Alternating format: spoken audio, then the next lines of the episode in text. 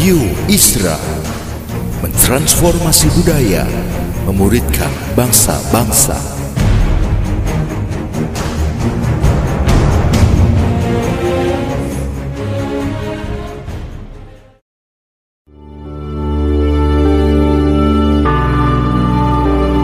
Apostolic Prophetic Messages mengungkapkan pesan dan arahan dari hati Tuhan bagi gerejanya demi menuntaskan mandat kerajaan Allah di Indonesia dan bangsa-bangsa.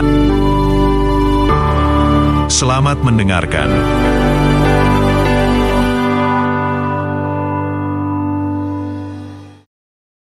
Pernah nggak dengar perkataan ini? Things that you don't know can hurt you. Betul ya? Apa yang tidak kita ketahui bisa melukai kita. Itu jelas. Tapi juga ada yang berkata, mending nggak tahu daripada tanggung jawabnya banyak. Benar kan? Ya, mending nggak tahu aja ya. So, orang semakin banyak tahu, semakin banyak dihakimi. Betul kan?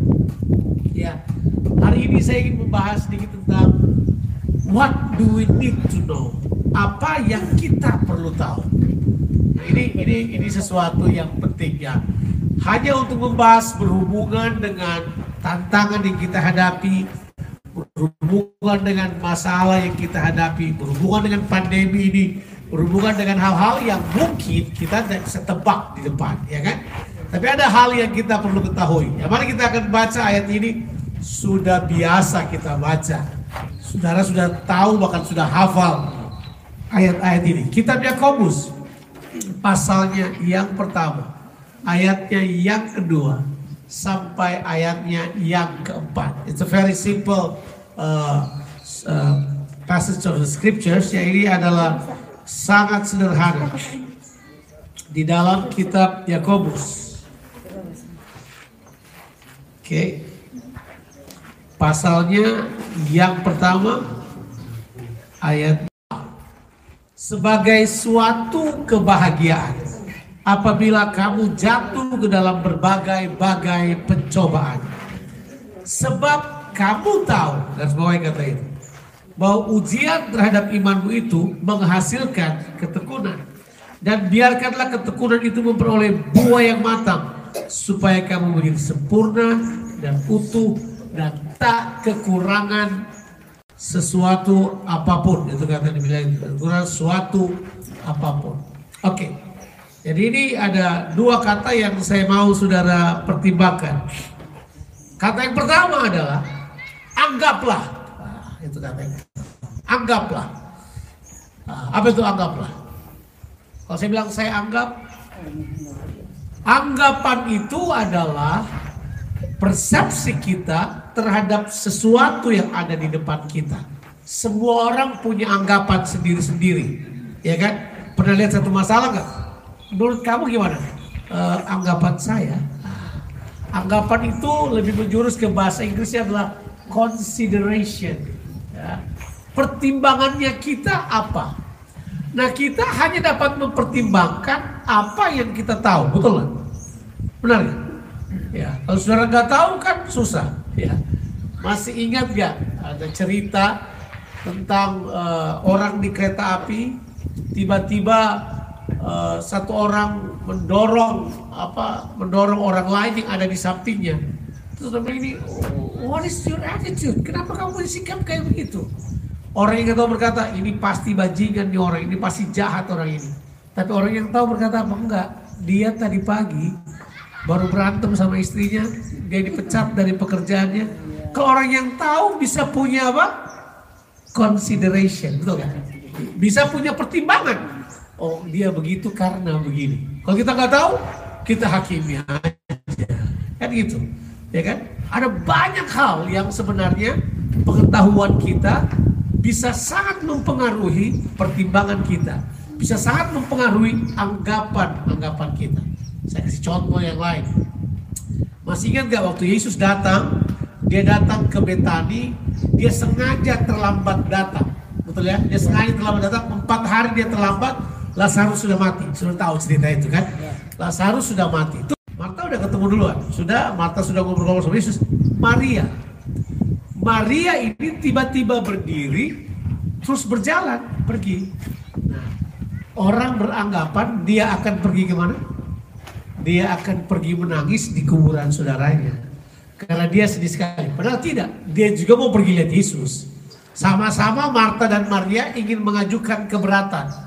Keberatannya gini, kenapa kamu terlambat? Kita udah kasih tahu empat hari yang lalu, kenapa kamu terlambat datang?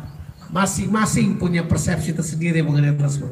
Orang banyak berpikir bahwa Maria telah menunjukkan duka cita yang sangat mendalam sampai seolah-olah nggak ada iman. Kira-kira begitu. Tapi orang bisa tuduh apa aja, kira-kira kayak gitu. Everyone has their own opinion. Ya, kita hidup di negara-negara yang bebas mengeluarkan pandangan. Considerate kita tentang apa aja terserah kita. Kita mau anggap ini, anggap itu terserah kita. Gak ada yang larang consideration. Nah, consideration kita itu semuanya bergantung pada apa atau input apa yang masuk pada kita. Betul kan? Ada input yang masuk pada kita. Makanya Alkitab beritahukan buat kita, pengetahuan akan kebenaran itu penting sekali. Setuju kan? Pengetahuan akan kebenaran penting sekali. Nah, saking pentingnya dia bisa berbahaya juga. So the knowledge of the truth can be so important but also so dangerous at the same time. Artinya Alkitab bilang ini, pengetahuan bisa menjadikan kita sombong. Ya kan? Terus bisa pandang enteng juga. Nah, misalnya soal makan persembahan berhala. Saudara pasti sudah tahu lah ini kan. Kalau saudara misalnya orang Batak, orang Toraja, itu kan kita pemakan darah itu kan. Apa-apa dicampur pakai darah biar enak. Wow, apalagi kalau babi campur darah. Wow, wow, wow. Nah, jangan kasih omus aja. Yang saya mau bilang begini, karena mereka tahu itu enak, tapi kita kemudian tahu kan, ada yang makan aja, tapi ada orang yang berkata gini, karena ada yang saya tahu, saya tidak makan hal tersebut. Betul kan? Ya itu itu itu sama juga seperti bercanda-bercanda sama orang. Uh, ini mau makan fungcau saya pak ya. Oleh Pak Ucok kita makan fungcau. Tapi ditawarin mereka nggak mau. Kenapa? Katanya mereka pernah pergi ke farm dan lihat ayam jalan-jalan injak-injak sembarangan. Saya bilang ayam di Australia pakai kos kaki. Kos kaki ini bareng bonds lagi. Harusnya. Tapi you know what? What you know sometimes determine your attitude. Bukan? Kita pengetahuan kita terhadap sesuatu kadang-kala menentukan sekali sikap kita pada masalah. Nah ini dia. Nah sekarang kita lihat dulu. Coba kita lihat pernyataan ini. Anggaplah sebagai suatu kebahagiaan jika kita jatuh dalam berbagai-bagai pencobaan. Nah ini dia. Jadi sebenarnya penulis Yakobus bilang gini, kalau kamu jatuh dalam pencobaan, anggaplah sebagai suatu kebahagiaan. Kenapa kita bisa anggap itu sebagai satu kebahagiaan? Karena ada yang kita tahu, yang orang lain gak tahu. Kenapa kalau kita berhadapan dengan kesusahan, masalah, kekurangan, kita bahagia aja. Terus tanya, kok kamu bahagia? Jawabannya adalah, ada yang saya tahu, yang kamu tidak tahu. Nah, itu penting. Makanya ditulis di ayat yang dikatakan kepada kita gini. Apabila kamu jatuh dalam berbagai pencobaan, berbahagia aja. Berbahagia aja, ya toh? Ban pecah, mobil rusak, apa aja ya toh. Internet mati, sekarang kayaknya internet mati lebih berbahaya daripada kekurangan uang. Buat kita kan sekarang sudah berubah. Ukuran mana yang lebih penting apa berubah sekali. Karena segala sesuatu berubah dalam kehidupan ini. Nah, to know something is important. Itu penting sekali. Makanya kita beritahu buat kita, kita harus bertumbuh di dalam apa? Pengetahuan yang benar itu jelas. Pengetahuan yang benar penting buat kita. Makanya bapak-bapak dan ibu-ibu, kalau misalnya di, di sel group kita atau di komsel kita, kita disuruh bikin step 1, 2, 3 itu bagus sebenarnya. Itu challenge pengetahuan kita. Orang kata ngapain sini? Kayaknya nggak ada challenge pengetahuan kita. Daripada kita tahu ya nggak perlu-perlu. ya kan? Daripada kita tahu, ih Daripada kita tahu gosip-gosip dunia ini nggak penting sama sekali kan. Ya. Daripada kita tahu uh, sekarang Presiden Trump lagi bikin apa kan nggak perlu. Atau siapa gitu. Kita perlu tahu apa yang penting buat kita supaya persepsi beritahu buat kita. sebab kamu tahu. Ah, karena kita mau masuk kepada pengetahuan yang diinginkan. Ada, saya sudah katakan minggu lalu, dua minggu lalu, ada tiga level pengetahuan ya, tiga level pengetahuan ya. Level yang pertama itu asumsi, asumsi tentang apa aja. Asumsi itu ngeri sekali loh. Dulu bahkan gereja, bahkan uh, gereja pernah salah karena teori yang salah itu bisa terjadi kan.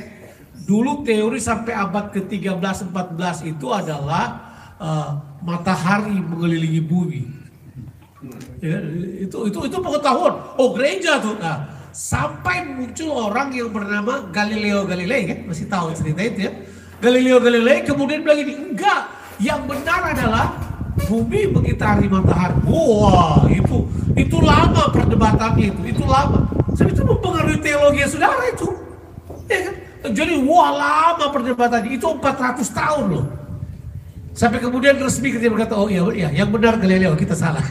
itu 400 tahun, pergumulannya lama banget. Tapi bayangkan, karena pemahaman yang salah, waduh bisa banyak hal yang terjadi dalam kehidupan ini. Jadi level pengetahuan yang pertama itu namanya asumsi. Asumsi. Kalau saudara belajar biologi di di SMP, itu dikatakan bahwa asal usul manusia itu adalah manusia berasal dari Pithecanthropus erectus. Terjemahan bahasa Indonesianya tenyong. Monyet, monyet, ya itu, itu. Jadi bayangkan dibilang kita ini dari monyet, bayangkan jadi monyet satu kali memutuskan untuk berjalan tegak, dia cukur semua bulunya, kemudian dia jalan. Halo apa kabar? Saya Johnny. Dan kemudian kita tahu uh, mereka menyebutnya sebagai apa? Evolusi. Teori banyak sekali. Nah itu kita sebut saja asumsi. Nah sekarang mari saya saya datang pada akar permasalahan. Berani nggak kita menerima firman Tuhan sebagai otoritas tertinggi dari kebenaran? Sebab level berikutnya dari pengetahuan adalah kebenaran. Nah ini kebenaran. Nah, ini yang Yesus bilang. Kamu akan mengetahui kebenaran. Dan kebenaran akan apa? Memerdekakan pengetahuan ini itu. Tapi begitu datang pada kebenaran, ah di sini Inilah yang penting kebenaran firman Tuhan. Yesus beritahu bahwa dialah kebenaran. Nah, jadi kebenaran bukan cuma sebuah pengetahuan, bukan cuma sebuah ide, sebuah pengertian, tapi kebenaran itu adalah pribadi. Jadi mengenal pribadi Tuhan itu adalah hal yang sangat penting. Itu itu kita mesti tahu itu. Baru kemudian level yang ketiga itu adalah hikmat. Hikmat itu adalah kemampuan. Jadi kalau sudah datang pada hikmat, dia bukan cuma sekedar ide, dia punya kuasa, dia punya kemampuan untuk membuat saudara dapat mengaplikasikan kebenaran yang saudara ketahui. Nah, itu itu level hikmat itu. Sebab begitu orang punya hikmat, dia kemudian dapat dengan cara kreatif melakukan apa yang dia kenali sebagai kebenaran. Itu dia. Jadi kalau orang cuma begini, saya tahu kebenaran, tapi suka gagal dalam aplikasi, dia biasanya gagal dalam tataran hikmat. Dia punya teorinya, tidak punya prakteknya. Nah, itu itu bencana paling besar tuh. Itu dalam bahasa Indonesianya omdo. Omong doang. Ya. Saya pernah dapat apa? Saya pernah dapat baju kaos tulisannya di sini. Apa? No apa? No action talk only. NATO. NATO. Ya kan? Di sebelah sini no action, uh, no talking. Apa itu kalau no action, no talking? Nah, itu ngawur tuh namanya ya. Itu namanya nongkrong. Ya, tapi ada yang dibilang uh, apa action only, no talking. Ada yang begitu. Karena Masalahnya orang itu punya masalah cuma bisa ngomong kebenaran, tahu kebenaran, tapi di praktek mereka nggak tahu. Nah Tuhan mau beritahu buat kita enggak. Kita harusnya bisa praktek sekalian. Nah kita sudah beritahu buat kita kan, bahwa Yesuslah yang menjadi hikmat buat kita. Nah saya mau sampaikan ini kemudian uh, kita mau lihat kehidupan kita. Benarkah saudara telah merangkul kebenaran sebagai hikmat dalam kehidupan saudara. Itu penting, itu penting. Sebab nanti endingnya ada di sini. Ketika pencobaan datang, ketika masalah datang. Kenapa orang pergi ke psikiater? Karena mereka nggak tahu apa yang mereka hadapi. Orang pergi ke dokter juga itu bukan karena dia cari obat sebenarnya. Dia mau tahu apa yang terjadi padanya. Dokter tuh belajar sekian lama itu untuk beritahu pada kita apa yang terjadi pada kita. Jadi orang pergi ke dokter itu sebenarnya bukan kasih minta obat. Kalau mau obat pergi ke apotek, pergi ke langsung tukang obat aja. Karena nggak perlu dokter kalau cuma mau cari obat ya. Dokter bukan cuma obat, dokter itu dia analisis, dia kemudian diagnosis kita, kasih tahu kita, hey kamu tuh begini, kamu harus buat ini, kamu harus buat ini. Dan biasanya dokter, dia tidak cuma kasih obat, kita kadang-kadang dokter cuma mencari obat. Harusnya tanya pola hidup apa yang perlu saya ganti. Saya boleh makan apa atau tidak makan apa. Kalau kita enggak, yang penting ada obat supaya saya bisa makan apa yang tidak boleh saya makan. Itu kan pengetahuan tingkat tinggi yang kita miliki, kita tahu dari mana kan. Tapi kita begitu tuh. Kita begitu. Harusnya kalau kita ke pada dokter, dokter akan beritahu, you can eat this, you cannot eat this. If if this, if you actually keep eating this, and your high blood pressure gonna go this up, and then also your blood sugar is gonna go up and then you will be in trouble. Tapi kita berkata, yang penting obat lah biar saya bisa bebas makan semuanya. Terus kita kasih tahu semuanya. Tidak perlu ganti makanan. Yang penting minum ini. Makan apa saja. Haleluya. Kita bahagia. Apa kita berbahagia? No. Itu tidak memerdekakan kita. Tapi ini kata kuncinya saya mau beritahu buat kita sekalian. Waktu kita ah, mengetahui sesuatu, dan berhadapan dengan semua tantangan kehidupan, kita tahu satu hal. Kita pasti akan jadi lebih baik. Itu yakin. Yang kedua adalah, kita juga tahu kan, apa? Semua masalah yang terjadi dalam kehidupan ini pasti sudah ada jalan keluarnya. Kita tahu kan itu? Coba kita kita kita baca ayat yang kita sudah biasa baca. Tapi kita pasti suka lupa ada kata kunci di dalam 1 Korintus pasalnya yang ke-10. Coba kita lihat ayat tersebut. Sudah pasti sudah tahu ayat ini kan? Pencobaan-pencobaan itu apa? Tidak melebihi apa? Kekuatan kita. Tapi jangan langsung ke situnya dong. Lihat dulu apa yang dikatakan di situ. Dibilang begini. Pencobaan-pencobaan yang kamu alami ialah apa? Pencobaan-pencobaan biasa kamu dicobai melampaui kekuatanmu. Pada waktu kamu dicobai, ia akan memberikan kepadamu jalan keluar sehingga kamu dapat menanggungnya. Baca satu ayat ini aja sebenarnya begini. Pencobaan, masalah, jalan keluar semuanya sudah ada di situ. Betul kan? Sudah ada. Tahu nggak? Tahu. Tapi begitu berhadapan dengan masalah, paniknya minta ampun, cari pendetanya, cari cari siapa aja. Kalau nggak didoakan kayaknya mampus di dunia. Kalau kayaknya nggak ada yang doakan kita kayaknya sudah selesai sudah kita. Siapa yang bilang? Kalau kita punya pengetahuan, kita tidak buang-buang waktu untuk mengambil jalan agamawi. Kita akan punya sikap yang tepat. Ini yang saya pelajari. When you know the truth, hal yang pertama adalah sikapmu akan benar berhadapan dengan tantangan. Dia bilang kok biasa. The, all these temptations, all this testing biasa. Bilang dulu biasa. Kalau biasa berarti sudah berapa kali terjadi?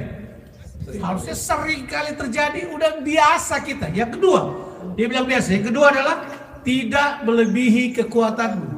Jadi kalau orang berkata, saya sudah tidak kuat. Dan kita minta diperhatikan itu. Itu self pity tingkat tinggi itu. Jangan dipercaya. Saya tidak bisa tahan lagi. Gak bisa. Menurut Alkitab kamu bisa. Kamu aja yang tidak mau tahu apa kata Alkitab. Saya gak bisa Pak. Saya gak bisa. Oh enggak, kita biasa tuh. Kamu bisa. Terus kemudian dia bilang begini. Dan Tuhan tidak akan membiarkan kamu dicobai melampaui kekuatanmu. Kalau kita berkata gini, saya sudah tidak kuat. Itu perkataanmu aja. Realitanya gak begitu.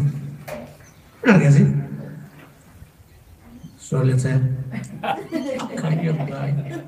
No, tapi itu benarnya. Kitanya aja yang ada kecelakaan pengetahuan sini dan pengertian. Coba kita lanjut lagi. Terus dia bilang ini, pada waktu kamu dicobai, bilang dulu, pada waktu saya dicobai, Sudah ada jalan keluar disediakan. Sudah. Sebab kata yang dipakai di situ bukan sekedar akan, tapi sudah ada jalan keluarnya. Sudah. Jadi waktu dicoba sudah jalan keluarnya. Ah, cuma mungkin kita perlu cari jalan keluarnya yang mana. Tapi sudah ada. Sudah ada. Ada jalan keluar. Sudah bilang ada. Makanya begini. Mau saya beritahu sebuah cara untuk menikmati kehidupan tanpa mengeluh. Ini. Nikmati aja itu masalah. Kan ada statement yang berkata, nikmatilah masalah senikmat-nikmatnya. Sedap, sedap, sedap. Berkata ngomong enak pak. Siapa bilang tidak? Tapi itulah pengetahuan yang diberitahu buat kita. Sebab gini, kalau kita tahu jalan keluar sudah ada. Ini jaminan Tuhan. Jadi maksudnya ini di mana pun ini tidak akan berubah sampai kapan pun, tidak akan model kita, eh, pencobaan kita, tingkat rohani kita, ataupun sebutlah apa, perjalanan hidup kita, itu tidak akan mengubah kebenaran tidak akan, tidak akan. Dan berkata, oh saya ada di level ini jadi saya agak beda. Tidak, semua sama, level ini sama. Oke, saya cerita sebuah cerita, kemudian kita selesai. Pernah ingat nggak Sadrak, Mesak, Abednego? Pernah ingat nggak? Menurut saudara apa yang mereka miliki? Bukan cuma iman, tapi pengetahuan akan kebenaran. Itu mereka punya. Dua-dua harus berjalan bersama. Makanya waktu raja berkata gini, Sadrak, Mesak, Abednego, kenapa kamu tidak menyembah? Mereka berkata gini, enggak kami punya iman kepada Tuhan. Kami tidak boleh menyembah kepada yang lain selain Tuhan. Kan kira-kira gitu. Kamu tahu nggak bahwa kamu akan dibuang ke dalam dapur api itu? Oh tahu, kami tahu. Kamu tahu nggak? Ini katanya pagi. Cuman saya yang bisa melepaskan kamu dari masalah ini. Tahu, tapi kami tidak akan menyembah juga. Terus kemudian ini jawabannya mereka. Kami tahu Allah kami sanggup menolong kami. Tapi kalau Tuhan nggak tolong juga, kami tidak akan menyembah Tuanku Raja. Menurut saya jawaban itu adalah bukan cuma sekedar jawaban biasa, tapi itu adalah jawaban jawaban pengakuan bahwa pasti ada jalan. Jadi ya udah, ya udah ikat, ikat, panaskan tujuh kali lipat. Orang yang buang mereka ke dalam mati karena kepanasan. Dibuang mereka ke dalam. Alkitab bilang apa? Rajanya kaget. Di dalam ada empat orang. Terus mereka tanya, berapa orang tadi kita buang? "Eh, kenapa sekarang ada empat? Dan yang keempat, his face like a son of God. Bahwa tampaknya seperti anak Allah. Wah, siapa itu kira-kira? Saya percaya itu Yesus ada dengan mereka. Theophania, kira-kira istilah yang dipakai itu penampakan Yesus di perjanjian lama. Yang saya mau katakan begini, apa sih masalahnya kita? Ah, mengerti kita adalah tidak mau tahu atau tidak mau mengerti. Ya, ignorance. Kita menolak pemahaman. Jadi akhirnya udah kita gitu aja. Padahal Tuhan sudah siapkan buat kita. Ah, Tuhan memberkati saudara-saudara sekalian. Berharap uh, dinginnya ini tidak mengurangi pengertian saudara terhadap apa yang saya sampaikan. Saya tahu otak saudara berkata ini berapa derajat. Saya lihat di jam tangan saya 16. Tapi anginnya 16 berasa 9. Jadi ya enak. Puji Tuhan. Tuhan memberkati kita sekalian. Amin. Mari kita berdoa. Bapak di sorga, kami terbatas untuk memahami. Kami sadar sekali Tuhan. Pengetahuan kami terbatas. Kadang-kala karena keterbatasan kami, kami suka bercanda. Kami menganggapnya sebagai sesuatu yang tidak perlu kami pahami. Bantu kami untuk mengerti kebenaran firman-Mu ya Tuhan. Tolong kami untuk memahami. Roh Kudus, sanggupkan kami untuk memahami. Hambamu tahu waktu kami paham akan kebenaran firman-Mu. Kami akan menghidupinya. Kami akan berjalan di dalamnya. Terima kasih buat waktu ini. Kami bersyukur kepada Tuhan. Di dalam nama Tuhan, Yesus Kristus. Amin.